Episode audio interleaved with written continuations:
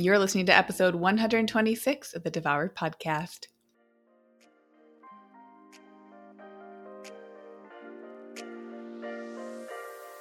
Welcome to Devoured, the podcast for women ready to release the title of Dieter for Good.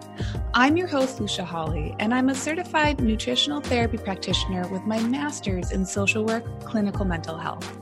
I've lost 80 pounds and I'm on a mission to get you into the life of your dreams without being the woman who is consumed by diet after diet trying to get there. If you're wanting more in your life and are tired of wondering when or how to make that happen, then this is a podcast for you. You'll learn how to make the radical changes you've only dreamed of 100% possible for you today. I'm so happy you're here. The information provided within this podcast is intended as general education only and is not to be considered a substitute for professional medical advice, diagnosis, or treatment. Hey, party people, welcome to the show. Thanks for being here for another episode. And if this is your first episode with us, welcome. I'm very, very happy you are here. I am recording this episode just a few days before Christmas Eve, if you celebrate, and it's releasing on Christmas Eve. So if you're listening on the day of release, then this might be a really timely episode for you. We're talking about the jobs we give foods, right? We ask a lot of our plates. We really do. It's very culturally common in our Western society that we ask, demand, and require a lot from our plates. So, what are some of the things that we ask our plates to do? Well, we ask them to not only nourish us, but to amuse us, comfort us, support us, fuel us, satisfy us, embrace us, console us. We ask foods to provoke us, to stimulate us, to numb us, to excite us, to entertain us. And we also ask foods to bore us. And often we ask foods to frustrate us, and so much more. Now, if you just listen to that list, you might realize that there are some roles and jobs we give our foods that at first glance might feel more positive or more negative.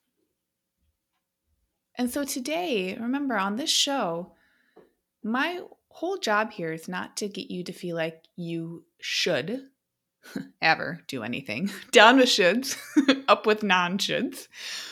But my whole job here is not to get you to feel like you have to become a robot in order to have a healthful relationship with food that, if for you and your uh, specific needs encourages a release of weight that that can happen in conjunction that you can come into peace with your food and that you can also release weight into a body shape and size that you desire that is a goal for you that's something you value.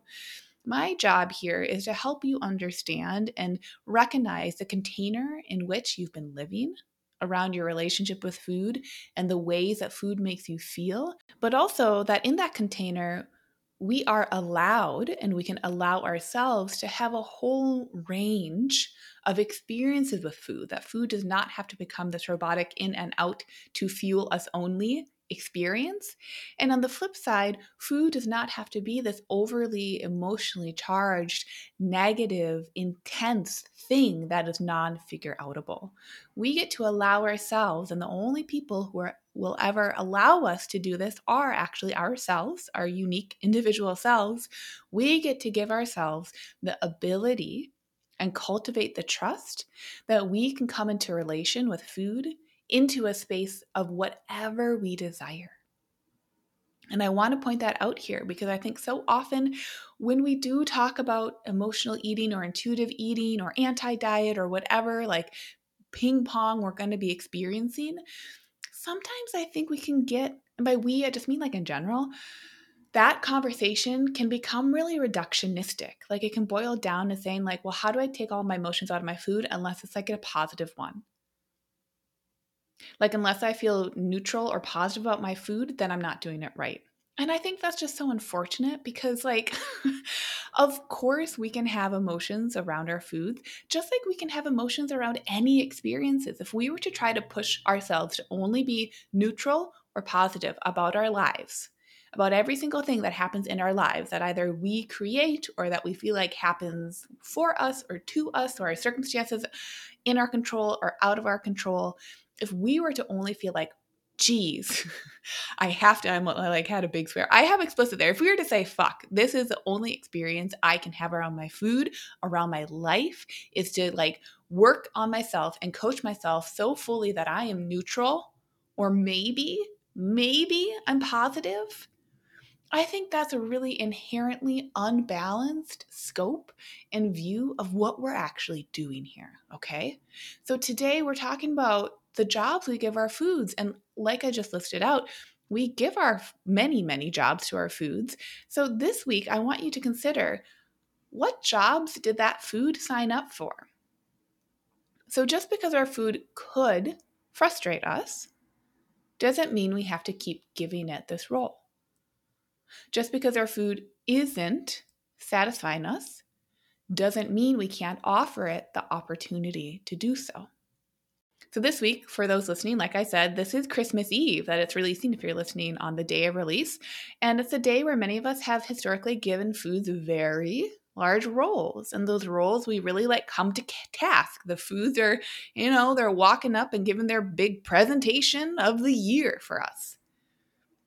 But what I want to say is really, it may not have started with us maybe our moms or caregivers or someone else in our family or the magazines that we walked past when we were young growing up gave us the expectation for food to work in certain ways. And that's just a maybe. Everyone has a different experience. And once we begin to understand where and how we've been giving foods certain jobs, and maybe belittling it or bemoaning it or applauding it for filling that role, we can start to instead interview food for the jobs we want it to have. And so, as we start to interview our foods for the jobs we want them to have, the food choices may change as you begin this work. What you're eating might change. And that's perfectly normal and appropriate. Let me give you an example. If you've always given foods the job to frustrate you, and you realize, wait a second, wait, wait, wait, wait, wait. This is the year 2020. I don't want the holiday gift of candy to frustrate me anymore. It might mean a few things in action as you start to parcel out this job, this role, that in this instance, holiday candy or the cake that you're having on Christmas Eve or whatever it is that you eat on these days, it might mean a few things in action. So, using that candy as an example, you might find that your desire for the candy shifts. When you start to realize you may have always given it the job of frustrating you Oh, why can't I have the candy? Oh, I ate too much of the candy. Oh, there's not enough of the candy. Oh, that person can't have the candy. Oh, the candy's mine. Oh, why do I love the candy so much?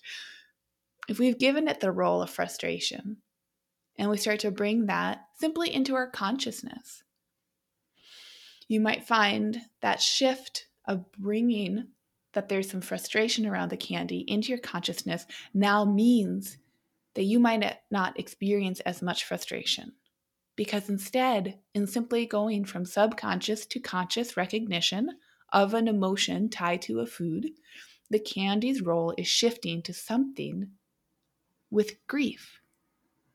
And that surprises you. Now, follow me here. You allow the surprising grief to be there without judgment. When we can allow that to be, what this means is that we've actually cultivated a practice of safety, meaning physiologically feeling in our parasympathetic state. We have deep belly breaths. Our minds aren't jumping to all the different places. We can feel present in the present moment. When we're cultivating that parasympathetic, safe feeling, we're cultivating a feeling of safety in our experience of grief, even little slivers of it. And so now that the hints of frustration with the edges of grief are clearer for you in the role you've offered the candy that perhaps you love to hate, you see that the deeper role you were giving the candy wasn't even frustration. That was a confusing role that it was trying to work in and it wasn't quite living up to. The job the candy was really playing was entertainment. Now, when we take it a step further, when you release from the expectation for your candy to be an expert entertainer on its resume, the candy can now have the opportunity to fulfill the role it was meant to for you. So, what is that role, you might be asking? Well, that, my friends, is the liberation of it. In this life experience, you are the CEO of the company where the foods have jobs. So during this holiday week, or any which week that you're stumbling upon this episode, notice which role you think you've been giving your foods. Maybe it's been less than conscious, and now you're curious to bring that job from unconscious to conscious. Try it with the foods you've once labeled as bad, as many people label candy or cake or brownies or products made with flour and sugar as bad, and the ones you've once labeled as good, things like whole unprocessed vegetables and fruits and lean meats. What you might find is that some of these foods might fulfill their roles quite nicely. And maybe even some of these foods are ready for promotions. But also, maybe some were never cut out for the job they've been trying to fill. And they're ready and waiting for their CEO to have an honest conversation with them. You can trust that as the boss of your own body. That it does no one in the company really much good to feel like there's an employee who is struggling simply because the job isn't a good fit. It doesn't mean the employee is bad or the role is bad. It just means that there is something that isn't quite lining up. So if we can start to release ourselves as the CEOs right? The big bosses, a hell yeah. If we can release ourselves from those expectations, we then offer the opportunity to release certain foods from roles that they're ready to be released from. And what you might find is that it doesn't have to be that the employee, the food, has to leave the building forever. Simply means that it might be more well suited and contribute to the entire company more fully in a different role within the company. But we won't know this until we start to realize that all jobs are okay for foods to play. And that we, as the bosses, the CEOs, we are allowed to set the rules of the game in such a way that supports the entire business. When we do this, what I think you'll find is that there's no bad employees ever, and there are no bad jobs ever. There's just can be a little bit of a difference or friction in what they've been trying to give and what they could be giving. I want you to be thinking about that this week and beyond, and I'll see you in next week's episode. Okay, everyone, that's all for this week. Thank you for listening to this full podcast episode. If you want more of this information every day instead of just one podcast episode each week, consider coming over to Instagram to hang out with me. I'm Lucia Hawley underscore over there. That's L U C I A H A W L E Y underscore. And one more thing before this episode ends please consider leaving a review of Devoured on iTunes so we can keep spreading the word. And together we can offer this free education, empowerment, and liberatory nutrition principles that will change more lives. If you're someone who likes to empower other people, then please consider sharing this podcast with friends and family. And by leaving a review, it makes a world of difference.